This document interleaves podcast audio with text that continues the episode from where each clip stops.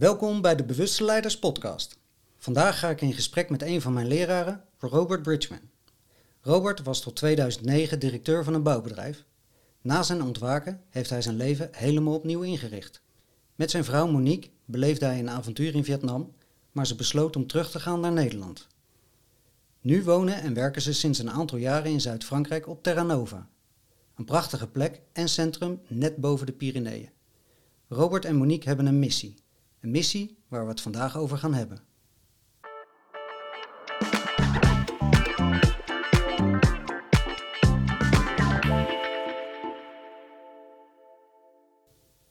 Vind je dit een mooi gesprek? Help dan ons bereik te vergroten en deel de link met vrienden en bekenden via social. Hallo Robert, welkom in de Bewuste Leiders podcast. Ja, dankjewel. Welkom op Terra Nova. Ja, dankjewel. Ja, want wij staan met de camper op Terra Nova, maar we zitten in jouw kantoor. Ja. En toen ik voor jou een intro moest schrijven, toen wist ik eigenlijk niet zo heel goed waar ik moest beginnen. Je bent schrijver van zeven boeken, documentairemaker, je hebt een foundation en je hebt een retraitecentrum en je hebt de Bridgman Academy, waar een heel mooi opleidingsaanbod in zit. Dat gaat niet vanzelf. Nee. Nou, ja, dat ligt eraan hoe je het bekijkt. Hè? Ja, maar ik ben wel benieuwd, ja, hoe is dat zo gekomen? En waarom ben je gaan doen wat je bent gaan doen? Ja, eh, mooi zoals je het opzomt. Uh, dankjewel. En dankjewel dat je helemaal naar Terra Nova bent gekomen voor deze podcast, dit gesprek samen. Ik vind het heel leuk. Ik heb je opname met uh, Marieke en met Maarten en met Tilly. En volgens mij zijn er nog meer. Ik, heb het een en ander gezien, dus dat, dat zag er goed uit. Leuk, dankjewel. Ja, ik vind het leuk. Ik vind het leuk dat je dit doet. Ja, en wat, wat betreft mijn. Um, die, het, het, het lijkt heel divers, maar het komt allemaal op hetzelfde neer. Het is eigenlijk allemaal, zijn allemaal uitingen van hetzelfde. Dus er zijn wel eens mensen die zeggen, ja, waarom schrijf je nou een boek Stoppen met Vlees, hè, met een zevendelige documentaire. Ehm, en een boek 2044, wat over een heel ander verhaal, hè, weer een science fiction roman is over ja, de mogelijke toekomst.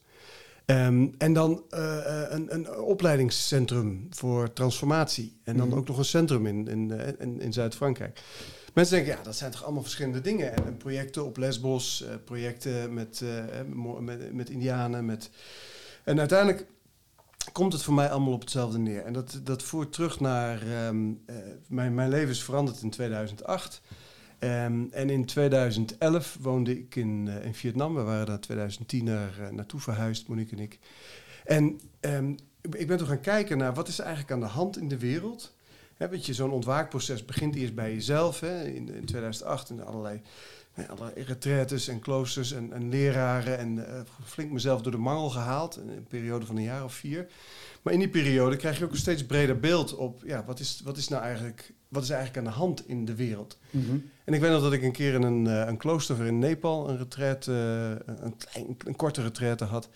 Maar dat ging zo diep dat ik ik kwam daaruit, het was een meditatieretraite, vipassana, stilte. En ik kwam daaruit en ehm, toen dacht ik, ja, wat is het leven eigenlijk zinloos? Wat, wat, hmm. wat, wat, wat heb ik nog te doen in de illusie? Hè? Ik kon dat zo, zo helder zien dat het eigenlijk het hele bestaan op aarde een illusie is.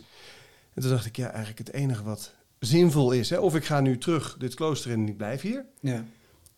of ik ga mijn leven wijden aan het helpen van anderen. En dat is de beslissing geweest toen. Dat was in 2008 of 2009, 2009 denk ik. En in 2011 besloot ik dat op papier te zetten. En toen heb ik um, eigenlijk vijf grote um, probleemfactoren voor de mensheid omschreven voor mezelf. Mhm. Oké, wat kan ik nou doen om de mens te helpen. En het is niet, niet dat ik de illusie heb om in mijn, e-, dat ik in mijn eentje als een soort van superheld de mensheid uh, red. Helemaal niet zelfs. Ik, ik eh, beschouw mezelf als een heel klein radartje in een heel groot systeem. Ehm, en ik, maar ik probeer gewoon maximaal mijn bijdrage te leveren. Eh, mhm. maximaal ehm, ja, de, de, de, dat wat ik kan. En dat zijn verschillende dingen. Om dat zo breed mogelijk neer te zetten, maar ook zo diep mogelijk. Nou, en toen kwam ik op, oké, wat zijn dan, als je, als je uitgaat van een, ehm, een verandering in het, in het collectief bewustzijn van de mens, je ziet dat ehm, mensen wakker worden. We zijn in een, in een, in een uh, transitie um, van eigenlijk van, van, van nemen naar geven, Mhm. van angst naar liefde, ehm, van trauma naar heelheid, van afgescheidenheid naar eenheid. Nou, zo kun je het heel mooi omschrijven. En die transitie kom je ook tegen in hele oude geschriften, de, de yugas uit, eh, uit India. Ehm, je komt het zelfs tegen in de, in de astrologie hè, het, het overgaan van het uh, vissentijdperk naar het Aquarius-tijdperk. Nou ja, en wat is het dan dat ehm, die overgang kan versnellen? Want in principe gebeurt het gewoon. Of wij nou wel Mhm. iets doen of niet iets doen, het is aan het gebeuren. Ja. Maar het is ook door ons heen aan het gebeuren. Hè. Op het moment, het is, het is in de natuur zie je het ook. Als er een, eh, in een bepaald gebied, hè, we wonen hier midden in de natuur, als er hier in dit gebied meer zoogdieren komen, dan komen er vanzelf meer roofvogels, want er is meer eten. Ja. En als die, die roofvogels, als er te, te weinig voedsel is, dan wordt het er vanzelf minder. Ja. Maar zo werkt het dus eigenlijk met alles in mijn optiek. En dus ook met eh, wat we noemen lichtwerkers, nieuwe tijdskinderen. eh, allerlei bewuste mensen die ehm, ja, hier, hier op aarde zijn op dit moment. Om die transitie door zich heen te laten manifesteren. En dat is niet omdat we dat bedacht hebben, maar omdat we, en dat is die, die torenvalk, die heeft niet bedacht van ik kom op aarde, want er zijn veel muizen. Nee, het is gewoon heel natuurlijke, universele bewegingen zijn dat. En ehm, in die beweging dacht ik, ja, wat, wat houdt ons nou tegen? Als wij kunnen bijdragen aan dat proces. Je ziet dat het nou, in mijn ogen niet heel erg goed gaat met de planeet. Ehm, ik moet zeggen dat ik het, het even in het midden laat of, of dat komt doordat de mens een klimaat be- beïnvloedt, ja of nee. Maar je ziet toch wel dat het, het ecosysteem kan wel beter. Hè? De, Ja. vervuiling, oceanen, luchtvervuiling. eh, ehm, er speelt nogal wat. Dieren die uitsterven, natuur eh, verminderen. En als we de, de aarde nog een beetje willen behouden... Hè, wat, wat- Ja. we hebben er niks aan als we straks allemaal verlicht zijn. Hè, En de aarde is stuk. Ja, en je loopt Ja. met je mondkapje buiten of met je, met je zuurstofmasker op, omdat er geen zuurstof meer te krijgen is. Hè? Dus laten we, Ja. laten we wel onze verantwoordelijkheid daarin nemen. En dat, eh, ik heb toch gekeken naar, naar wat ik de Big Five noem. Vijf ehm, eh, ja, onderdelen van het, van het mens zijn die de trilling omlaag halen. Mhm. En eentje daarvan, die voor mij die ik heel belangrijk vind, is de bio-industrie. Als je dat wereldwijd bekijkt, dan zijn er 6 miljard dieren die elk jaar geslacht worden om opgegeten te worden. 6 miljard. Mhm. Dat is een enorme lage trilling van angst en pijn. En oké, ik dacht, daar moet ik zijn. Dan heb je kinderen en jongeren. En zeker ook kin- heel veel kinderen, ki- veel kindermisbruik, kinderen die verdwijnen. Hè, dat is een belangrijk onderdeel. Eh, dat houdt de trilling laag. Mhm. De eh, onderdrukking van Indianen en eh, eh, van, van, van oorspronkelijke volken. Indianen is natuurlijk een, zo'n woord wat je. Maar in Nederland hebben we niet echt een beter woord ervoor. Nee, maar kunnen ook aboriginals zijn of... Aboriginals, Mensen- Tibetanen Precies, in China. Ja. Dus die door, dat, door, door de First Nations, eigenlijk de mensen die het dichtst bij de aarde staan, te onderdrukken, uit te buiten, eh, eh, haal je die trilling nogal omlaag. Hè? Want op het Mhm. moment dat je die mensen, als die helemaal heel en in hun kracht zouden staan, dan zouden het onze leiders zijn op dit moment in de Ja. transitie naar een nieuw bewustzijn. En door die leiders eh, de kop in te drukken, ja, vertraag je die, dat hele transitieproces. Nou ja, zo zijn er dus verschillende punten van ik, die ik toen heb gedetermineerd, de, de- ge- van gezegd van daar gaan we mee aan de slag. Maar als je daarmee aan de slag wil, dan heb je eerst heb je, eh, eh, mensen nodig, je hebt middelen nodig, je hebt invloed nodig, je hebt toegang nodig. Mhm. Dus er zijn een aantal elementen. en Ik heb dat toen in, in 2011 allemaal keurig opgeschreven. En toen dacht ik, oké, wat gaan we dan, wat gaan we dan doen om die mensen, die middelen, eh, dat bereik, een team, om dat ja, met elkaar te kunnen, kunnen, kunnen realiseren. En een van die big five is ook gewoon het algemeen menselijk bewustzijn. Hè. We worden eh, ons, ons, ons paradigma, de, manier waarop we naar, naar, naar elkaar kijken, naar het leven kijken, naar de aarde kijken, dat wordt continu beïnvloed. Ehm, eh, als het niet door, door, door media is, dan is het wel door eh, politiek, door maatschappelijke normen, waarden, opvattingen. En in die perceptie, daar zit een heel groot deel van eh, wat, er op dit moment, wat er op dit moment misgaat. Hè? Die Ja. perceptie, en zeker perceptie aangetast door trauma. Nou, je hebt Maarten Overs hier ook gesproken, die Ja. staat natuurlijk ook eh, specialist in. Perceptie aangetast door trauma geeft een afhankelijk afgescheiden bewustzijn. En we wilden juist van afgescheidenheid naar eenheid. Ja. Van angst naar liefde, van trauma naar heelheid. Dus ehm, eh, het, het trauma healing, ja, dat werd al gauw. En natuurlijk in mijn eigen proces daar heel veel mee te maken gehad uh, in die eerste jaren. En, en eigenlijk is dat nooit gestopt. Trauma healing, dat werd ons ding. Al mhm. heel vroeg in Vietnam. We wonen daar in Saigon in een, in een huis vlakbij Saigon River. We hadden ons eigen centrum daar.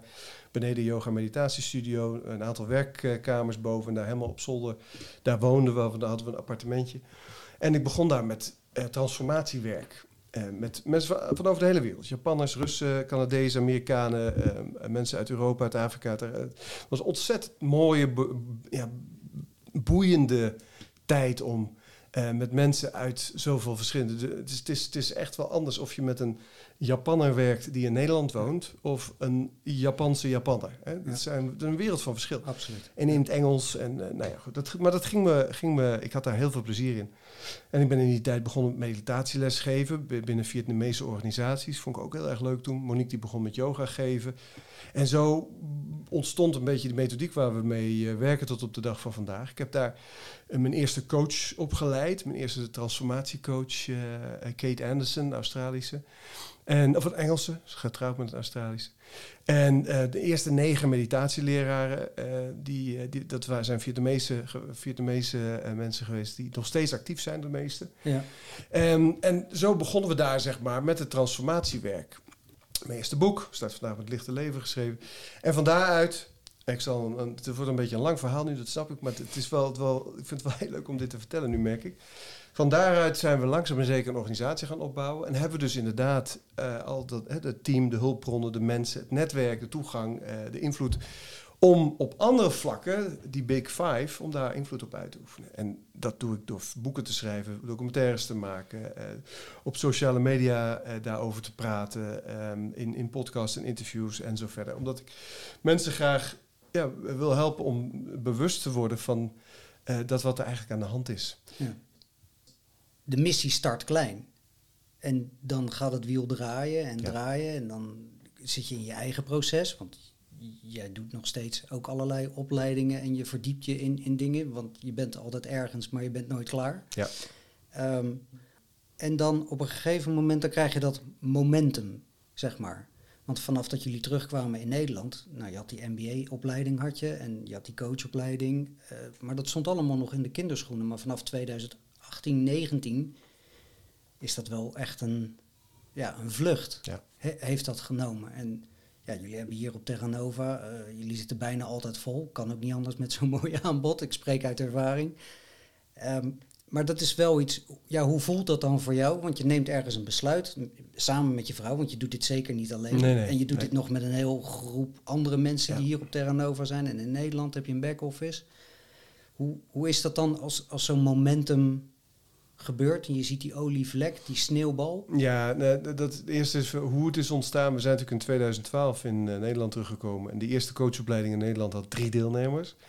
Uh, aan de keukentafel bij ons. Ik, ik vergeet nooit weer. Mijn eerste seminar in Nederland had vijf deelnemers, dus geloof ik, of, of tien, zoiets. En um, zo zijn we begonnen met in het begin gewoon heel langzaam bouwen en groepjes en groepjes. Ja, en op het moment dat we Monique en ik deden dat uh, samen. Op een gegeven moment kregen we uh, Danny Dekker, onze operationeel manager, mm -hmm. erbij. Nou, dat begon, daar begon al heel veel anders te lopen, beter te lopen. Um, Rianne Mante, die uh, binnen ons, ons team aansloot. En um, nou ja, verschillende anderen. En ik denk dat het, het, het omslagmoment was zo rond 2018 toen onze compagnon Hans Wijnen aansloot. En, Hans is de, de, de stille kracht. Mm -hmm. Die blijft achter de schermen. Zakelijk directeur van, uh, van Bridgman. Ja, en die heeft het zo fantastisch neergezet. Uh, die heeft de juiste mensen na binnen ge, uh, naar binnen gehaald. die heeft gezorgd voor rust, groei, planmatige werken en zo verder. En dat is eigenlijk het verschil het, het, moment geweest waarop we enorm, ja, waarop het enorm toenam. En um, het, ook het, het, want we hebben nu we hebben drie, drie mensen op marketing zitten, twee mensen op operations. Um, uh, een opleidingsmanager, opleidingscoördinator, inhoudsmanager. Nee, het is een heel team geworden. Ja, echt bedrijf. Ja, het is, het is wel een onderneming geworden. Ja. En dat is ook, eh, dat is ook goed. Hè? Dat, maar dat was voor mij wel dat moment. En 2018 is natuurlijk ook het moment geweest waarop Monique en ik naar uh, Zuid-Frankrijk zijn verhuisd. En hier op Terranova zijn gaan, uh, gaan zitten. En um, de, ik denk het, het, het moment waarop we... Um, waarop het echt begon te vliegen was 2020 was die eerste lockdown. Hè? Ja. Toen we dat project uh, met Tijn Tauber deden en Janos. Van 3D naar 5D. Van 3D naar 5D ja, op Facebook. gek. Ja. En toen hadden we de eerste maand, juli, hadden we iets van 500.000 views of zo. Hm. En toen dachten we, zo, dan zijn er dus zoveel mensen in Nederland die dit interessant vinden, die hiermee ja. bezig zijn. Ja. Want, en, daar, en dit is waarschijnlijk nog maar een deel daarvan. En daar begon het eigenlijk. En toen hebben we Studio New Earth opgericht vanuit ja. het 3D en 5D. Met Bonnie. Met Bonnie, Bessem, uh, Janos, um, Roy Martina, Patty Harpenau. Ja, en dat, dan, dan krijg je een soort vliegwiel. Ik, ben een beetje, ik heb een beetje een pauze genomen op een gegeven moment. Want het werd me allemaal een beetje te veel, al die gesprekken online en zo. Maar het was een hele mooie manier om mensen te helpen. En ook tijdens die lockdowns mensen een, een hart onder de riem te steken. Um, uh, het was alleen wel heel intensief. Ja. Maar dat zijn wel een paar. De, de komst van Hans, de, de, de verhuizing naar Terra Nova en uh, het project 3D naar 5D, dat zijn wel een paar belangrijke momenten geweest in die, ja. Uh, ja in, in die flow. Ja. En dan, dan is de rode draad in, in deze podcast is mensen die dingen bewust anders zijn gaan doen. Hans is ingestapt. Zit er een masterplan achter? Of waar liepen jullie dan tegenaan? Dat, omdat, was het ooit de bedoeling dat er zo'n groot bedrijf eigenlijk kwam, kwam staan? Uh, de onderneming is uh, het voertuig. Het is niet het doel. Het is het Nee. voertuig waarmee de beweging kan plaatsvinden. En uh, toen ik in de, dat, dat plan schreef in 2011, toen heb ik daar heel duidelijk in geschreven dat we een, moesten zorgen dat we een goed team binnen een goede organisatie hadden. En een, goede, Mhm. een goede organisatie, een goed team. En een groot bereik. Uh, en veel mensen. En we hebben natuurlijk nu inmiddels, nou, ik denk zo meer dan 400 coaches opgeleid. Mm -hmm. uh, tegen de 200 meditatietrainers. En, uh, en dan hebben we nog alle, alle, andere opleidingen en trainingen. En dan zie je dus ook dat, um, dat je een, een, een, een, netwerk begint te krijgen die, waardoor, ja, wat, wat impact heeft. Ja. En ook als je kijkt, de mensen die hier komen, we hebben bijvoorbeeld hier op Terra Nova hebben een, een, een bewuste artsengroep. Er komen hier zoveel artsen, mm -hmm. uh, chirurgen, tandartsen en zo verder. Die, die zijn we allemaal samengebracht in een appgroep. Uh, onder leiding van Marieke Gielen.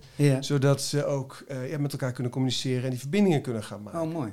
En dat, dat is wel wat, je, wat, je, uh, ja, wat we nu zien gebeuren, dat dat steeds groter wordt, ja. zeg maar. Ja, en, en dat was die... zeker de bedoeling. Ja. En, en dan zie je dus ook dat er bruggen gebouwd worden. Ja. Van wat jij net zegt, bijvoorbeeld Bram Bakker, die komt ja. hier in het najaar weer. Ja. En dan zie je dus die brug gebouwd worden tegen de, naar de reguliere zorg. En Precies. Ja, hoe, hoe noem je dit? Precies. Nou ja, bruggenbouw, Bridgman, Bruggeman. Ja. Nee, maar als dat de reguliere zorg is, wat, wat transformatiewerk, ja, energetisch werk. Het wordt natuurlijk alternatief genoemd. Uh, je, je, je, de, de, de, de diehards aan de ene kant noemen het alternatief, de diehards aan de transformatiekant die, die noemen het natuurlijk. Mm -hmm. um, uh, er zijn allerlei manieren. Ik heb daar niet echt een woord voor. Ik gebruik eigenlijk over het algemeen ook regulier en alternatief. Ja. ja. Maar het is wel heel mooi. Bram Bakker is natuurlijk uh, heel lang psychiater geweest, 30 jaar lang. En hij, we geven samen hier, uh, dat doen we nu één keer per jaar, een week voor psychologen, psychotherapeuten, coaches, transformatiecoaches, psychiaters en, en zo verder. Iedereen die iets met therapie heeft is welkom. En uh, dan krijg je dus ook, hè, Bram die doet dan zijn ding, een gesprek met, met een cliënt en, waar iedereen bij is. En daar waar hij op een gegeven moment stopt, ja. daar neem ik het over. En dan laat ik zien wat de transformatietechnieken doen.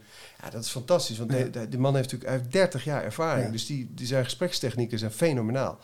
En op het moment dat hij dan iemand aan mij overdraagt, dan, is het, dan ligt alles open. En dan, dan kun je dat, ja, dat is, ik vind dat zo mooi om te laten zien. Maar vooral deelnemers die dan enthousiast zijn en zeggen, ah, oh, we gaan samenwerken. Dus ja. uh, een psychotherapeut die de laatste keer erbij was, die werkt nu samen met, met, met Birgit Christine bijvoorbeeld. Oké. Okay. Zo worden allerlei verbanden, ja, die, die verbindingen, dat vind ik heerlijk. Ja. ja. En dat is super mooi, want eigenlijk, ja, als alles al één is en het is al met elkaar verbonden, dan, dan zie je nu dat het bij elkaar komt. En Ja. dat het dus ook complementair aan elkaar is, in plaats van dat het in een hokje moet. Precies. En dan Precies. denk ik, als, als aanvulling denk ik dan, van dat bijvoorbeeld de verzekering of de ziekenwezen, de- het systeem erachter, dat dat daar ook in mag meebewegen, Gebeurt vanzelf. zeg maar. Ja, Ja. gebeurt vanzelf. Dan zijn we hier op Terra Nova. What's in the name? Terra Nova. hoe zie jij de nieuwe aarde? Bestaat de nieuwe aarde of zijn we er al? Of, ja, dit is er al. En kijk, dimensies hè, hebben we het wel eens over, de vijfde dimensie. Um, dertien dimensies op aarde, die jij en ik zijn allebei, en iedereen die dit hoort, zijn allebei uh, in al die dertien dimensies tegelijkertijd en meer. Hè. Mhm. Het is welke dimensie is, ben je bewust van? Hè? Welke dimensie um, ligt het, het, het, het, hoofd, het, het hoofddeel van je bewustzijn?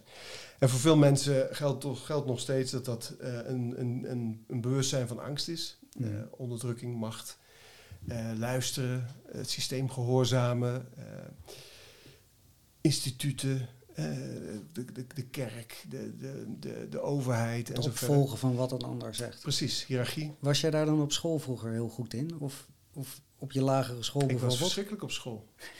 ik was echt verschrikkelijk op school, ja. ja. ik paste er toen al niet in. Nee, ik ook niet. Nee, nee, nee, Ik, kon, ik kon het wel, maar ik... Nee. Nee, dat we, mijn schoolcarrière was niet... ik heb uiteindelijk mijn hbo-diploma gehaald. Mhm. Maar um, het was... Uh, uh, dat is een lange weg... Op mijn dertigste. Dat is een hele bijzondere weg geweest. Ja, dat is een verhaal apart.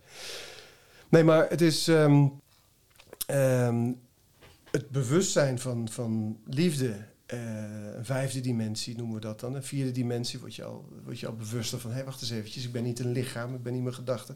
ik ben niet mijn persoonlijkheid.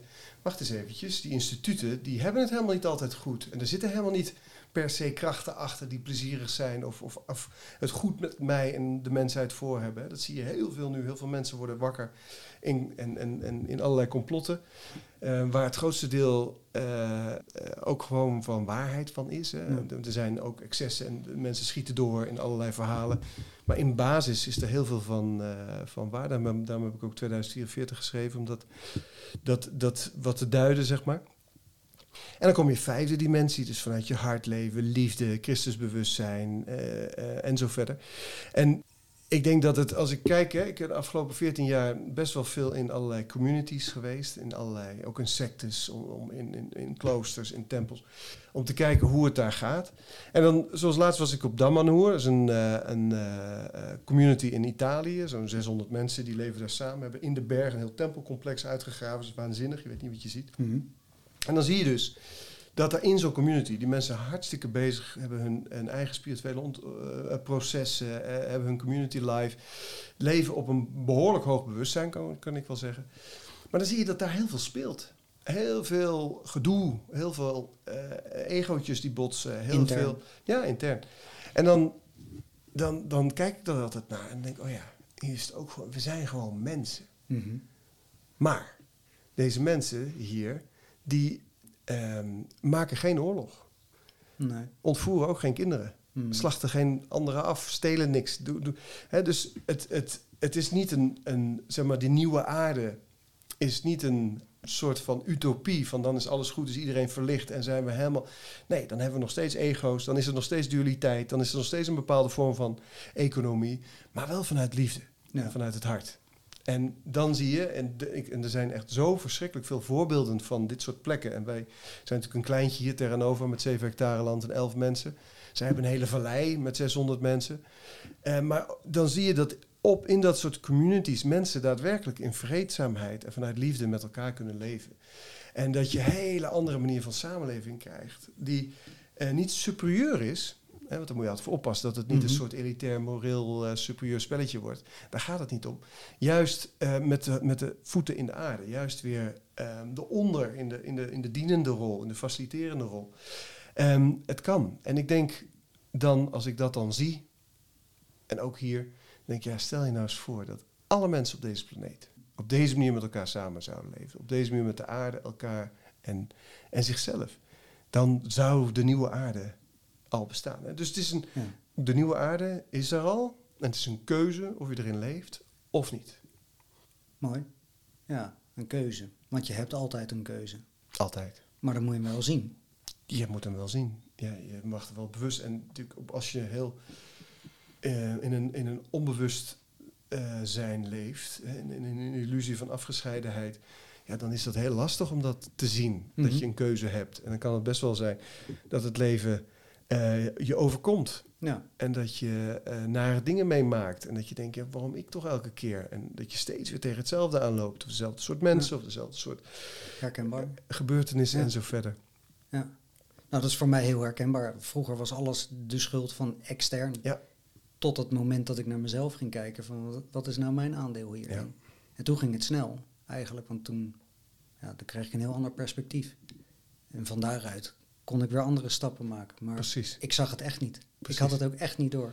Alles en iedereen was tegen mij. Ja. En waarom gebeurt mij dit? Ja. Met mijn handen naar de hemel. Ja, ja. ja letterlijk. Hè? Ja. Ja. Nou ja, en dan merk je dus ook dat je, als je dat proces ingaat, dat je ook, want jij, jij, toen ik je ontmoette en nu, dat zijn twee verschillende mannen. Mhm. En dus er zit een, een veel bewuster, maar ook veel meer zachtheid, veel meer liefde.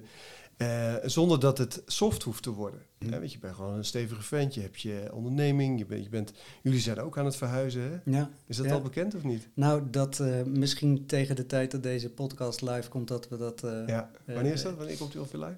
ehm, ik verwacht half september. Begin sep- september. Nou, begin september. Begin ja. september, ja. Dus jullie gaan ook verhuizen, hè? Dus Ja. die, die sprong die neem je samen met je mooie gezin. Ja. Ja, en dat gaat eigenlijk heel organisch. Precies. Ja. Want even terug naar toen jullie hier naartoe gingen in 18. Ik heb dat een beetje gevolgd op Facebook. Dat, jij schreef er mooie verhalen over, Monique ook. En dat, dat ja, jullie klaarden dat in vier maanden of zo. Er was ergens een keer een post waarin stond van... oh ja, we zijn er al. Het, het ging zo snel. Ja. Dus de verhuiswagen was er vertrokken en toen gingen jullie erachteraan. Ja. ja, alleen de financiering was nog niet rond. Oh, die was nog niet rond. Nee, dat was pas een half jaar daarna. Dus je had de sleutel al, je zat er letterlijk Ja. al. De kinderen zaten al op school. Ja. Dat is manifesteren. Hè? Dus op het moment dat je iets gaat manifesteren. Ik heb, het, het was het, eh, het, eh, op, op dat moment hadden we het bedrag wat dit kostte, hadden we niet liquide. En we konden het ook niet bij een bank lenen. Want Nederlandse banken die, het die buitenland. deden dat niet in het buitenland. De is Franse banken wil je ook niet. En eigenlijk wilden we ook zonder bank. Mhm. Dus we zijn toen eh, met participanten gaan werken en een stukje crowdfunding. Maar toen wij hier kwamen, de vorige eigenaar Jeroen Koning, die vond ons zo leuk. Die zei, eh, nou ja, kom maar dan. In vertrouwen dat het goed kwam. En wij zijn gelijk aan de slag gegaan met een groep mensen. Hier de boel opknappen, klussen. En, en toen zeiden mensen tegen ons van, nou, jullie zijn echt gek. Je, je gaat hier naartoe, je steekt een hoop werk in. Mhm. Eh, je kinderen gaan hier naar school, want dat is een van de redenen dat we in augustus 2018 hier naartoe gingen. Je gaat hier retraites geven, want dat hebben we ook gelijk vanaf dag één gedaan. Mhm. En als, het nou niet, als je het nou niet kan kopen, wat dan? Nee, maar dat was voor ons geen, geen optie. Want als je iets manifesteert, dan is het, gaat het er juist om Het dat, is je, er al, dat het er al is. En dat je het leeft alsof het er al is. exact. En een half jaar later zaten we... Het is hier, de notarissen die kwamen hier naartoe. En eh, hier hebben we in de eetzaal eh, de handtekening gezet voor, eh Ja. voor Terranova. Maar jij wist dat al. Jij had die, jij had die krabbel al lang gezien. Dat was voor jou ja. geen vraag meer. Nou, geen vraag. Kijk, het is natuurlijk wel... eh, je blijft wel mens, hè? Dus Mhm. je hebt ups en downs. Dus we hebben echt wel momenten gehad waarop we het niet meer zagen zitten. Momenten waarop we dachten... Er was op een gegeven moment iemand die zou voor een fors bedrag instappen... en die stapt vol- volgens een week later weer uit. Eh, we hebben best wel... Je, er komt best wel tegenslag bij kijken. En eh, onzekerheid, eh, twijfels, ehm, eh, ongeduld. Wanneer is Mhm. het nou? En dan is het de kunst om koers te houden... en die gevoelens er te laten zijn, niet Ja. weg te drukken... maar ook niet de overhand te laten Ja. nemen. En gewoon je focus te houden op wat je, datgene wat je wil ervaren. Ja. Ja, Het is ook een beetje van trust the process. ja. ja. Over, overgeven aan Ja. wat er gebeurt. Ja. Dat, nou goed, wij hebben begin dit jaar hebben wij regelmatig contact gehad eh, over een ander pand, wat we uiteindelijk eh, niet, Ja. niet hebben Ja. gedaan. En da- Ja. daar zat ook een heel proces in. En daar liep ik persoonlijk tegen allerlei stukken dan ook weer aan, wat, wat gespiegeld werd door dat traject. Ja. En dan, ja, het mooie ervan nu is van, oké, wat, wat vertegenwoordigt het? Of wa- waarom schiet ik nou in de stress? Wat, wat, wat heb je nu? Wat heb je nu? wat ik nu Ja, waar, ga, uiteindelijk... waar ga je nu naartoe? Ehm, uiteindelijk hebben we gekozen voor Family First. Een 1 hectare groot eh, plek onder eh, Girona. Gaaf. Gekozen. Ja, dat is tw- 2,5 uur vanaf hier. Ehm, met ja, een mooi huis en de mogelijkheid om daar mensen te ontvangen. Ja. Met een moestuin, met een geautomatiseerd irrigatiesysteem, met een fruitbos, wat ik graag wilde, wat er al staat, wat wel wat liefde en aandacht nodig heeft. Maar eigenlijk alles wat ik graag wilde met een eigen waterbron en zuiveringsinstallatie. En ja, het, Helemaal zelfvoorzienend. het, het bestond al. Ja. Ik, ik moest er alleen nog zelf naartoe. Ja. En ja, dat is te gek. Het is, is werkelijk een droom die waar komt, Ja. uitkomt. En mensen zeggen nu van ja, maar ho hoezo opeens?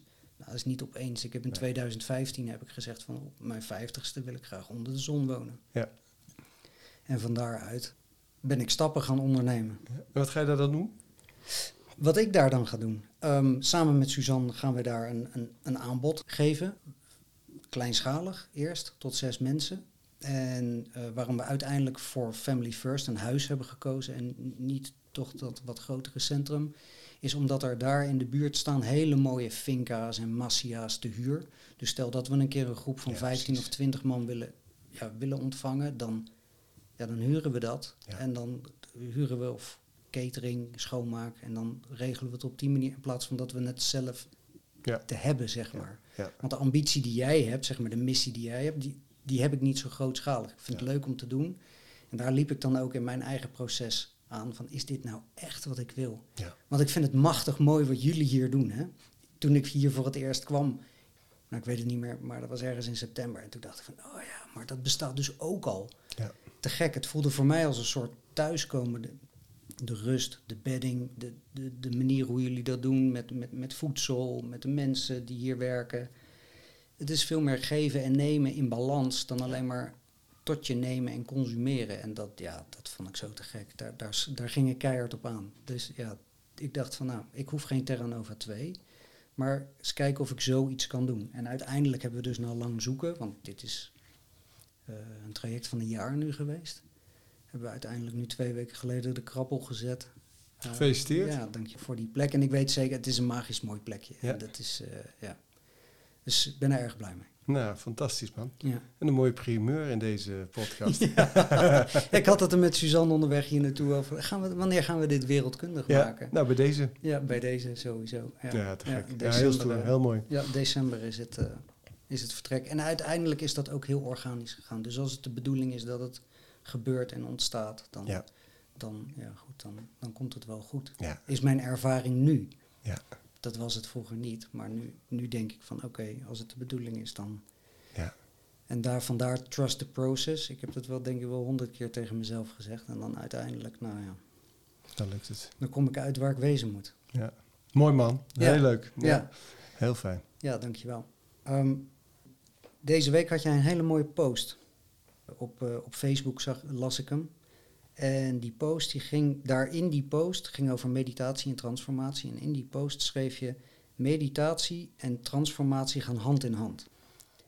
En toen dacht ik wel van, oké, ik merk dat aan mezelf. Als ik een week niet mediteer door alle dingen die we de laatste weken, maanden hebben gedaan, was er veel onrust in het veld. Dan mediteer ik wat minder. Daardoor werd ik zelf wat onrustiger, zat minder goed in mijn vel. En ik las dat en ik vond het zo herkenbaar. Als je alleen mediteert en niet transformeert, dus de stukken die je daarin tegenkomt, is dat dan een soort bypass op je trauma's en je conditioneringen? Nou, zo ervaar ik het wel. Ja, weet je, ik, uh, ik ga uit van uh, toen ik in, uh, in Nepal en, en ik heb in Thailand en India al die landen al, allerlei retretes gedaan. En um, toen was meditatie was voor mij echt het. Ik vond het helemaal, helemaal te gek. En verpassen meditatie, inzichtmeditatie beoefende ik nog steeds. En uh, ik elke dag, hè, anderhalf uur, uh, die hele ochtendbeoefening bij elkaar. En, en, en ik, soms wekenlang in een hutje uh, zitten en zo. En ik, ik was ook best wel bezig met allerlei meditatieleraren. Hè, vaak uit het oosten, Thich Nhat Hanh, um, de, de, de Rinpoche's uit Tibet, um, Metta Vihari, de Thaise um, Vipassana-leraar. Um, Upandita, waar ik ben geweest in die, die, die, die, die foto. Nou, ja. Um, uh, Thich Hanh en zo verder. En uh, ik was daar echt, echt heel erg mee bezig. En ik zette die mensen ook op een voetstuk. En in de loop der jaren... Uh, ik ben natuurlijk op een gegeven moment eerst heel erg in die meditatie. Toen, die, toen, toen begon dat, dat coachen begon. in Vietnam was dat al, begon transformatie, energiewerk te worden. Um, en ik kwam er steeds meer achter dat heel veel meditatieleraren uh, een soort façade optrekken van uh, verlicht zijn. En er zijn zeker uitzonderingen, zoals, waar ik enorm veel respect voor heb. Maar ehm, eh, er zijn natuurlijk ook best wel wat schandalen inmiddels. Hè. Zo. Meta Vihari was een, eh, een Thaise eh, leraar die eh, heel groot is geweest in Nederland. En die na zijn overlijden bleek dat hij tientallen mannelijke studenten seksueel had eh, eh, nou, misbruikt. is een groot woord, maar... eh Sonja Rinpoche, de schrijver van het Tibetaans boek van, eh, van, eh, van Leven en Sterven, die, die ook nogal een, en er kwam nogal een, een, een, een, een, er ging nogal een doos van Pandora open na zijn overlijden. en dacht ik, oh, maar dat is toch eigenlijk ook wel heel logisch dat als je ehm, meditatie is natuurlijk aanwezig zijn in het nu, eh, je lichaam, je ademhaling gebruiken om in dat nu aanwezig te zijn en van daaruit alles waar te nemen wat je niet bent. Hè? Dus je, je, je lichaam, je persoonlijkheidsstructuur, je gedachten, je emoties, je overtuigingen, je, je pijn, je, uiteindelijk zelfs je ziel. Hè? Want je, bent je, je bent je ziel niet, je bent eh, je, je Boeddha-natuur, of het ik ben, of eh, de goddelijke vonk in de ziel, zoals de gnostici dat noemen. En ehm, dus eigenlijk is meditatie net zo lang bewust worden van wie je niet bent, tot je weer één wordt met wie je in werkelijkheid bent. Alleen, dat doe je zelf. Mhm. Als jij gaat mediteren, ik kan je begeleiden, maar ik kan niet in jou kijken hoe het gaat. Ehm, als jij eh, eh, vervolgens eh, als, als zelf mensen gaat begeleiden, dan kan niemand meer zien wat jij, wat jij zelf eigenlijk, wat er in jou zich afspeelt. Mhm. En dat ego van, van, van, van ons als mens, dat is natuurlijk zo, dat is zo slim, intelligent, machtig, eh, groots. Eh, ook helemaal niks mis mee met een ego. Heb je ook nodig om door het leven te kunnen manoeuvreren. Maar dat, e- dat ego, oh, die gaat natuurlijk bepaalde dingen niet aan jou laten zien.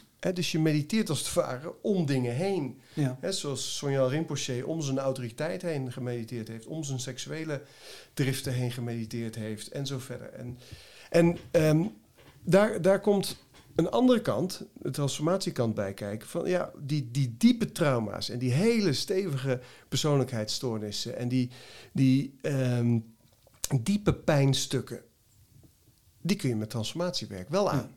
Mhm. En je spoort ze op met meditatie. Want ik had nooit gekund wat ik nu doe als ik niet eh, eh, die 14 jaar meditatieervaring had. Je, dat maakt dat je dingen ziet. Wacht eens eventjes, ik zie hier mezelf een stuk. Dat komt weer omhoog in zo'n situatie. Bewust, daar word je bewust van. Maar het bewustzijn van zo'n stuk... En misschien als je er, als je er eh, eh, eh, jaren mee aan de slag gaat in meditatie... dat het, dat het wel oplost Mhm. tot op zekere eh, diepte. Maar het bewustzijn op zo'n stuk is eigenlijk niet genoeg. Vervolgens gaat het erom dat je het helemaal omarmt, helemaal in de liefde zet, helemaal accepteert Ja. en dan transformeert. En zonder acceptatie geen transformatie. En dat je ook daadwerkelijk het dus oplost en eh, eh, omzet, transmuteert in een hogere trilling, in liefde bijvoorbeeld. En als je dat doet, die twee samen, want dat is de andere kant. Hè? Als je dat transformatiewerk alleen maar doet en je doet geen meditatie, dan ben je zeg maar horizontaal aan het werk. Eh, Ah, dus, dus dan eh, los je heel veel in jezelf op. Je wordt steeds lichter, je wordt steeds blijer, je wordt, het leven wordt steeds makkelijker. Je hebt steeds minder triggers, steeds minder automatisme, steeds minder ehm, eh, onbewust gedrag en zo verder. Ehm, maar je komt niet tot de kern. Die, die verticale ontwikkeling, die Ja. meditatie, die is ook belangrijk. Daarin kom je uiteindelijk tot je essentie. En als je die twee dus combineert, en daarom zeg ik meditatie en transformatie gaan hand in hand. Als je die, die verticale en die horizontale lijn met elkaar trans, eh, combineert, dan kun je tot zelfrealisatie komen. En eh, dat was eigenlijk in grote lijnen het verhaal in die, eh, in die blog. Ja. En dat heb ik geschreven omdat, ja, omdat ik merk dat veel mensen eh, eh, het ene of het andere aanhaken. Mhm. En ik, bijvoorbeeld, ik heb veel, veel coaches opgeleid, zei ik al. En we hebben ooit Bridgman Academy opgezet met het idee van alles wat ik heb gedaan, dat bied ik aan. Dus ik had een meditatietrainersopleiding om, om het meditatiedeel aan te bieden. Transformatiecoachopleiding om het coach transformatiedeel aan te bieden. Althusser Rossiter zijn, eh, zijn eh, mystery school, omdat ik daar heel veel... Is een hele belangrijke leraar voor mij geweest. Ja. Ehm, en wat we niet zelf aanbieden, eh, dat, dat hebben we, hebben we eh, EFT met Yvonne Tousset, reïncarnatie, regressie, eh, Maarten, ehm, eh, Touch of Matrix, Gunther. Dus wat we niet zelf aanbieden, daar verwijzen we mensen door naar een aantal partijen. Want dat zijn allemaal dingen die belangrijk zijn geweest voor mijn persoonlijke ontwikkeling en eh, die mij maken tot, ja, tot, tot wie ik ben. En de mensen die ik opleid, die hoeven niet mij te worden, juist Nee. niet, Nee. op zichzelf. Maar ik wil ze wel alles meegeven wat ik zelf heb. Ja, dus wat faciliteren je, om. Precies. Dus Ja. wat je ziet is dus heel veel mensen ook al die opleidingen doen bij ons. Maar wat ik heel veel zie, eh, is dat de mensen die de coachopleiding doen, het meditatiedeel een beetje laten versloffen. Dat, eh, wel, wel eens mediteren, maar daar niet echt diep induiken. Hmm.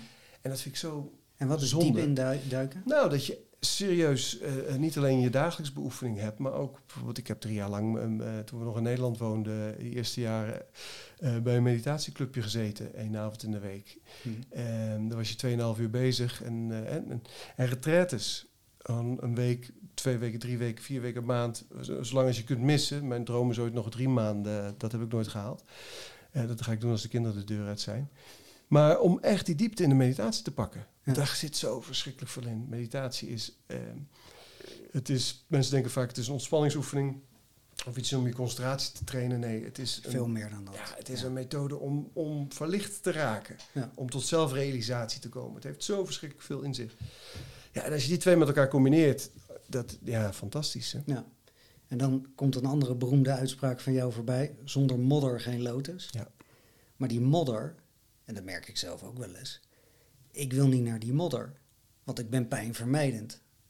Sterker nog, ik ben ontkennend. Eerst kom ik het tegen in mezelf. En daarna denk ik van nou, dat is niet voor mij. Of dat komt wel goed. Of dan kijk ik later. Die parkeer ik dan even in de koelkast of zo. Ja. Maar er komt een dag. Dat die aankomt kloppen. Ja. Nou, laten we eens beginnen bij eh, bron, eh, bronvermelding. Is natuurlijk een, een eh, uitspraak van de Boeddha. eh, Ja. zonder modder geen lotus. En dat heeft natuurlijk alles te maken met dat als je een lotusbloem, als die wil groeien, dat begint met een zaadje in de modder.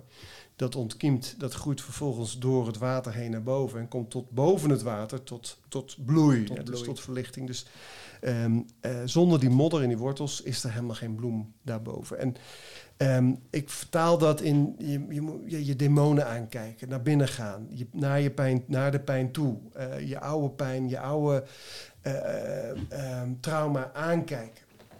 En ehm, de methodieken die wij gebruiken, die gaan daar ook om. Hè. We gaan, ja, waar, waar je inderdaad, de mens is pijnvermijdend, hè, dus je, mensen gaan weg bij die pijn. Wij helpen ze om naar die pijn toe te gaan. Dat doe jij ook als het goed is in je praktijkvoering. Naar de pijn toe, en dan kun je erin en dan kun je met bijvoorbeeld regressie, reïncarnatietherapie-achtige sessies of met, met Althazar-methode vind ik ook zo mooi, of EFT. Of er zijn natuurlijk allerlei trauma eh Het van. precies. Het laten stromen van de vastzitende energie. Precies. En hoe je dat doet. Er dat- zijn verschillende methoden. Ik heb een paar favorieten, die heb ik net Ja. opgenoemd. Maar er zijn, eh, er zijn eh, allerlei manieren voor. En dan, en dan kun je het ook daadwerkelijk oplossen. Maar het is natuurlijk, dat willen we eigenlijk niet. En ik weet bij mezelf, hè, toen, wij, in- toen wij naar Vietnam gingen, toen ben ik, toen, toen ben ik all the way gegaan. En het is, dit is een beetje het verhaal van de bogie en de yogi. Ken je dat verhaal? Nee. Dat is een, dat verhaal. De, dat een, eh, er was een, een grote leraar in India. En die had een eh, ashram met studenten. En een van die studenten die, deed altijd alles goed. Die mediteerde elke dag, twee uur s ochtends, twee uur s avonds. Die at volledig vegan. Die, die eh, was continu bewust van wat hij zei, wat hij deed, wat hij voelde. En alles klopt zijn yoga. Was helemaal puik, zijn ademhalingsoefening. Alles. Hij, hij snapte de leer, hij studeerde, hij las. Hij, nou, de perfecte student. Hè. Dat, eh, zo eentje van je zeker weet, dat worden grote, dat worden grote later. En, dat was, en, en die komt op een dag bij zijn meester. Die zegt, ja meester, moet je nou eens horen. Die andere, hè, een van die andere studenten. Hij, hij mediteert niet, hij valt in slaap terwijl hij zit te mediteren. Hij drinkt stiekem. Hij gaat wel eens in het weekend naar het dorp om daar eh, zich met meisjes te verhouden en, en dingen te doen. Hij leest niet. Waarom is die, waarom is, kijk naar mij hoe ik het doe. Waarom is hij in godsnaam in deze ash- ashram? Ja. En dan vertelt die leraar, er zijn twee manieren om tot zelfrealisatie te komen. De ene is de weg van de, van de yogi, dat is wat jij doet. En de andere is de weg van de bogi. En hij volgt de weg van de bogi. En dat, ik vond dat toen ik dat verhaal, ik heb het jaren geleden een keer gelezen ergens, of, gehoord, gehoord het volgens mij, in een Dhamma talk. Ik vond het zo'n fascinerend eh, eh, verhaal, dat ik dacht, ehm, eh, ik, ik ben toen zelf het, het eerste pad van de yogi opgegaan. En dus Hmm. heel intensief mediteren, yoga, ademhaling, eh, geen, geen dierlijke producten meer eten, eh, geen alcohol meer, geen, ik rookte daarvoor, niet meer rook en zo verder. En ehm, heel veel sporten, is heel erg aan die, aan die, aan die yogi kant, zeg maar. Ja. En dat heb ik een jaar of acht, negen volgehouden. Maar wel met de, met de zeker op het laatst, met de ontdekking dat het ja, een soort van rigiditeit ook met zich meenam die ik niet prettig vond. En die ik niet kon plaatsen toen. Ik, was, ik, had, ik had geen behoefte meer aan wijn. Ik had geen behoefte meer aan een sigaret. Ik was dat allemaal ontstegen. Ik had nergens meer behoefte aan. Ik was mhm. helemaal... Dus ik, ik snapte niet zo goed waar die het vandaan... maar ik voelde wel dat het niet... Het klopt. Ik was ergens... zat er iets rigides in. Totdat we hier op Terranova kwamen. En hier op Terranova wordt alles uitvergroot. Dat is een van de, de kracht van de plek. Mhm. Alles wordt, uh, komt aan het oppervlak. Dus die eerste twee jaar hier op Terranova heb ik nog... want wij mediteren hier elke dag met een groep... Uh, half uur yoga, half uur meditatie. Zo, zo, starten we onze dag op, een dagprotocol en zo verder. En um, uh, de eerste twee jaar heb ik dat uh, zelf elke dag voorgezeten. Alleen, mijn, mijn, het werd steeds minder en ik begon weer een glas wijn te drinken en ik begon sigaren te roken en begon weer... er kwamen allerlei dingen terug die ik toch al overwonnen had, dacht ik. En dat was voor mij de realisatie dat ik niks overwonnen had, maar dat ik het wegdrukte. Dus ik duwde het naar beneden mhm. en oversteeg het. En dat noem, dat noem je een spirituele bypass. Hè? Niet er naartoe om te kijken wat ligt er onder de behoefte om te roken, te drinken, wat, dan ook, uh, wat het ook kan zijn. Maar uh, erboven gaan zweven, zodat je, het, ja, dat je het niet meer merkt. Maar het is er nog wel. Mhm. Toen ben ik gestopt met mediteren. Een flinke tijd. En um, uh, heb ik alles naar boven laten komen. En ben ik ook weer gaan, ben weer alcohol gaan drinken, ben weer gaan sigaren gaan roken, ben weer alles, alles. Uh, ik ben de, de, het, het Boki-pad, wat ik daarvoor natuurlijk, uh, wat, wat eigenlijk mijn, de, de story of my life was daarvoor, dat heb ik weer toegelaten. En dat is zo'n mooi proces geweest, want daardoor kon ik naar die onderliggende stukken. Hmm. En kon ik dat allemaal, inmiddels rook ik geen sigaren meer. En heb ik de alcohol weer losgelaten. En, uh, en, zo, en de plantmedicijnen heb ik ook heel, heel lekker mee geëxperimenteerd de afgelopen twee jaar. Maar het was een prachtig proces. En nu kom ik op een punt dat we die twee weer kunnen combineren. Dus de meditatie, de yoga weer kunnen combineren met het transformatieproces die altijd doorgaan. Ja. We hebben hier over ehm, twee weken Brahman Menor. Ja. Die, uh, die leert mensen om op prana te leven, op energie. Die geeft twee weken. Die eerste week doe ik mee. Past helemaal in het, in het proces waar ik nu in zit. Mm om ook eens uh, te kijken wat er onder, voor conditionering onder dat eten. Want ik heb ben best wel begonnen hier wat dat betreft. Ik heb een hele bijzondere relatie met eten. Nou ja, en dat, en, maar even, waarom vertel ik dit verhaal? Ik vind het altijd wel mooi om daar zelf uh, om open en kwetsbaar te zijn over, uh, hoe, hè, over, over, je, over het eigen proces. Mm -hmm. en het is natuurlijk, dit, dit, dit is wat ik bedoel als ik zeg meditatie en transformatie gaan hand in hand. Um, dat je, ik zie heel veel mensen die worden wakker en die gaan dan heel hard lopen, net als ik in het begin. Die gaan alles goed doen. De televisie gaat de deur uit. Voeding wordt aangepast. Yoga, meditatie. Ze gaan podcasts luisteren, hmm. boeken lezen, workshops volgen, naar events, tantra, uh, ecstatic dance. Uh, alles. You name it. De shizzle. Alles. Ja. Alleen, wat ze vergeten, hmm. is wat eronder ligt. Hmm. En als je dat vergeet, ik ben daar dus een levend voorbeeld van, daarom deel ik het ook graag dit verhaal. Het komt op een dag terug. Dus je kunt heel hard gaan rennen en je gaat verzuipen in allerlei spiritualiteit. Ja. Maar als je niet je demonen, niet je trauma aankijkt, niet je pijn aangaat, dan haalt het je op een dag in. En het kan op allerlei manieren. Kan, ik werd heel erg moe, eh, ik kreeg heel erg uh, hoofdpijn, uh, glutenintolerantie. Maar dat kan natuurlijk nog veel verder gaan. Ik ben op tijd, ben op tijd, ik ben op tijd, ik ben op tijd geschakeld, gelukkig. Maar het, het haalt je in. En dan heb je het idee dat je een terugval hebt, maar een terugval bestaat niet. Het is een doorval. Hoe bedoel je dat? Nou, je hebt een, een plafond, een soort zolder gebouwd waar je ging wonen. Ja. En je, bent, je zakt op een gegeven moment gewoon weer dwars door die bodem heen. Ja, maar want als je bijvoorbeeld kijkt naar uh, bij, de, bij de AA, bij de, bij de uh, alcoholverslaafden, daar noemen ze het dus een terugval. Ja. Maar jij zegt het is een doorval naar een ja, ander. de AA, die, die, ik ken dat, uh, dat systeem uh, redelijk goed. Ik heb veel, al, veel met mensen met een alcoholverslaving gewerkt. En uh, wat de AA is een spirituele, of is een bypass. Hè. Je, je, ontkent gewoon je alcoholisme, maar het zit er nog wel. Ja. En je krijgt muntjes en dingen en ja. sleutels. Maar goed systeem hoor. Oh, hebben heel veel mensen heel veel aan. Alleen het is een goede opener. Met, het is een goede opener om, om, te starten, om, er, om uit het patroon te komen. Precies. En daarna doorpakken. En dan moet je die, want er zit altijd trauma onder alcoholisme. Onder elke verslaving zit trauma. En dan dat trauma aanpakken. Dus als we, wij merken dat als we met mensen met alcoholverslaving dat trauma aanpakken, kunnen ze gewoon nog een glas wijn of een biertje drinken daarna. En dan, weet je, dan kunnen ze ervan genieten zelfs. Want de, de, aanleiding tot de verslaving is weg. Is weg, ja. ja. Is het aankijken van, van je trauma's en je, en je conditionering... is dat voor jou ook leiderschap nemen over je eigen leven? Ja. Bewust leiderschap? Ja. ja? Want, Wat, wat, want wat is bewust leiderschap voor jou? Nou, ik, ik zag een filmpje van Mike Tyson. Dat komt ineens omhoog. En Mike Tyson zegt uh, in dat, uh, was een interview en zegt hij, ik heb geen telefoon. Dan zegt hij, waarom heb je geen telefoon dan? Ja, zegt hij, nee, want dat, mijn telefoon triggert mijn lager zelf. En dan ga ik uh, steeds berichtjes kijken, en dan ga ik porno kijken. En dat zei hij. En ik, moet, ik wil in mijn hoger zelf blijven, zei hij. Want toen zei hij letterlijk, if I, can, I want to conquer the world. If mm. I can't conquer myself, I cannot conquer the world. En toen dacht ik, ja, Mike, heel goed, helemaal top wat je doet, maar je kankert niet jezelf. Uh, je, je, je bypast jezelf. Mm. Want als, je, als die telefoon je verslaving is, dan zit daar iets onder. Wat zit er dan onder? Dat ja. wil je aanpakken en dat wil je aankijken. En ik denk dat dat uh, het, het summum van innerlijk leiderschap is.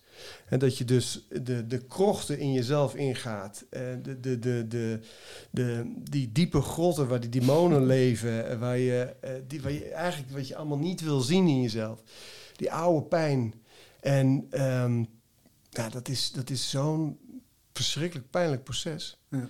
Het is niet een. Ik bedoel, ik ben dol op reïncarnatietherapie bijvoorbeeld, hè, maar dat is uh, uh, een, maar een onderdeel van dit proces. Want je kunt de wortel er in de reïncarnatietherapie uithalen, maar dan heb je nog steeds aan te kijken wie je geworden bent in dit leven. Ja. Je persoonlijkheid, je jeugdtrauma's. Uh, je seksuele fantasieën, je, noem het allemaal maar op. De verslavingen die je nu hebt. Ja, dat is. En, en, en vooral ook gedrag wat destructief is naar jezelf, naar anderen. Of die, dat, dat, je kent het wel dat iemand je wijst op. Je, weet je wel dat je mm -hmm. altijd dat zegt of dat doet of dat. Nee, echt niet. Nee, nee. dat kan niet. Nee, ja. gadverdamme, daar ben ik niet. Die, daar moet je naartoe. Ja. Oh, en dat is zo'n ongelooflijk confronterend uh, verhaal natuurlijk. Ja. Maar dat is, vind ik wel leiderschap. En we hebben dat hier ingebakken in de cultuur. Dus op Terra Nova, het moment dat we, we wijzen elkaar erop. Mm -hmm. We doen dat thuis ook, Monique en ik, maar we doen dat hier ook. Iedereen spiegelt iedereen. Wij worden ook zo gespiegeld. Uh, iedereen spiegelt iedereen. Uh, zodat je zicht krijgt. En vooral die stukken die echt lelijk zijn, ja. die wijzen we aan bij elkaar. Ben je bewust van dat jij dit doet? Dat je dit zegt, dat je daar altijd voor wegloopt. Ja. Dat als dat gebeurt, dat je altijd dat doet. Ja, ja dat is natuurlijk super kut. I know. Ik heb er. Ik heb ja, hier verderop aan ja, ja, zitten. kan het als geen ander, ja. Maar het is, dat, dat is wel het proces. Ja. Dat is wel het proces. Ja. ja. Ja, mooi. Want mijn ervaring is, als we dat aankijken, of als ik het aankijk, dan kan er meer liefde zijn. Ja. Meer zachtheid. Ja. En uh, uh, geen softness of softie, maar wel gewoon masculine en feminine en gewoon ja. dat de liefde kan stromen. Kracht. Ja. Ja, ja mooi. Nou ben jij ook nog bezig, nu we het toch over leiderschap hebben, met een heel mooi project. Hier, ja. een, ja. stuk, een stuk grond. Ik zie daar, ik zie daar een heel uh, mooi document uh, ervan ja, liggen. Dat is het, uh, het, het businessplan daarvan. Ja, want als we het over bewust leiderschap hebben, dan trek jij die car omdat 12 hectare grond is het? Hoeveel, hoeveel is het? Nee, 1200. 1200. 1200 hectare grond.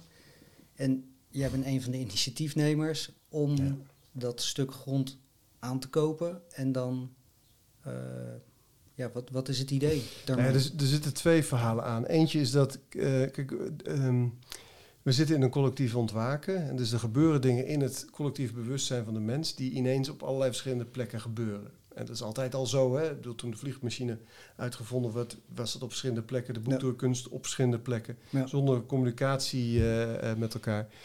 Um, maar er, komen dus ja, bepaalde ontwikkelingen ineens in mensen op. En één daarvan is dat je heel veel lichtwerkers op dit moment land ziet kopen. Mm -hmm. uh, uh, en dat kan variëren van 1 hectare tot, ik weet iemand in Noorwegen bezig met 40 hectare. Um, er worden land gekocht, er worden centra gestart. Uh, er worden, die centra die verbinden zich met elkaar. En wat, wat is de ontwikkeling daar? Ik denk dat het heel belangrijk is dat, we, dat wij met elkaar aan die nieuwe aardekant ook daadwerkelijk fysiek aarde gaan beheren. Mm. Nou, dat, dat zit ik al een tijdje mee natuurlijk. Dat is ook een van de redenen dat we heel erg aangingen op, uh, de, op Terra Nova, die 7 hectare hier. Hè. Ik, die, ik zeg wel eens als mensen vragen, wat doe je eigenlijk? Ik zeg, nou, ik beheer 7 hectare nieuwe aarde, punt. dat is het belangrijkste van alles.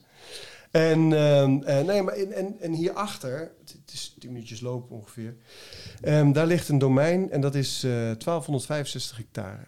En dat is al heel lang in de, in de handen van Nederlanders. En um, dat domein, dat, uh, uh, ik wist dat het bestond, maar ik was er nog helemaal niet mee bezig. En op een gegeven moment hoorde ik dat het verkocht was. Maar de man die het gekocht had, ja. die wilde er een grote veehouderij plaatsen. Duizend schapen, duizend koeien, bomen neer, uh, vreselijk. Hm. En toen dacht ik, ja, ik heb iets te doen. En ik ben gewoon, gaan, ik ben gewoon aangegaan. Een, een verbinding gezocht met de, met de verkopers. Exclusiviteit gekregen. De deal met die uh, veehouder is niet doorgegaan, gelukkig. Het is echt een soort megastal-achtig iets. Ja. En uh, het is, want het is zo'n mooi natuurgebied. Het is zo prachtig. Als je hier naartoe rijdt, dan rij je erdoor. Dan ja. zie je uh, dat hele uitgestrekte bossen, zie je. Heuvelachtig. En er lopen reeën, soms wolven, genetkatten, uh, dassen, vossen, wilde zwijnen. Het is de vogels, insecten, planten. Zijn eigen, waanzinnig. Ja, het is eigen ecosysteem. Ja, heel erg Veluwe-achtig. Okay. Qua, ook qua dieren en planten en dergelijke. Iets, ietsjes, ja, je zit hier in Zuid-Frankrijk, dus het is ietsjes tropischer, maar het is onder de rook, rook van het Pyreneeën. Die zie je vanuit het land, uh, uh, die ligt hier vlak achter. Mm -hmm. Ja, en uh, ik ben gewoon aangegaan. En ik heb inmiddels weet ik uh, hoe dat. Ik had helemaal geen verstand van land. Mm. Nu wel. Ik heb me helemaal suf gestudeerd, land en vastgoed. En allerlei mensen gaan interviewen die dat al uh, die dat snappen en kunnen. Een man ja. met 13.000 hectare in Schotland. Uh, allemaal mensen ondervraagd die weten hoe het met financiën, hoe je zoiets financiert, hoe dat werkt. Een hele rits financiers. Nou ja, land taxeren, makelaars, IMO's. Uh, uh, um, Oké, okay, 1260 hectare. Dan, dan als we stel dat we 1000 hectare natuurgebied zouden willen, willen redden. Nou, uh, naar de gemeente toe hier, de overkoepelende provincie. Fantastisch plan, ga doen. Ja, we zijn helemaal achter. Okay. Iedereen vindt het geweldig. Oké, okay, maar hoe gaan we dat dan financieren? Ja. Nou, ik dacht, ik dacht eerst, heel naïef. Ik denk, als ik dit online zet, mm. dan komen zijn mensen... Ah joh, hier, Robert, ik heb 4 miljoen euro nodig.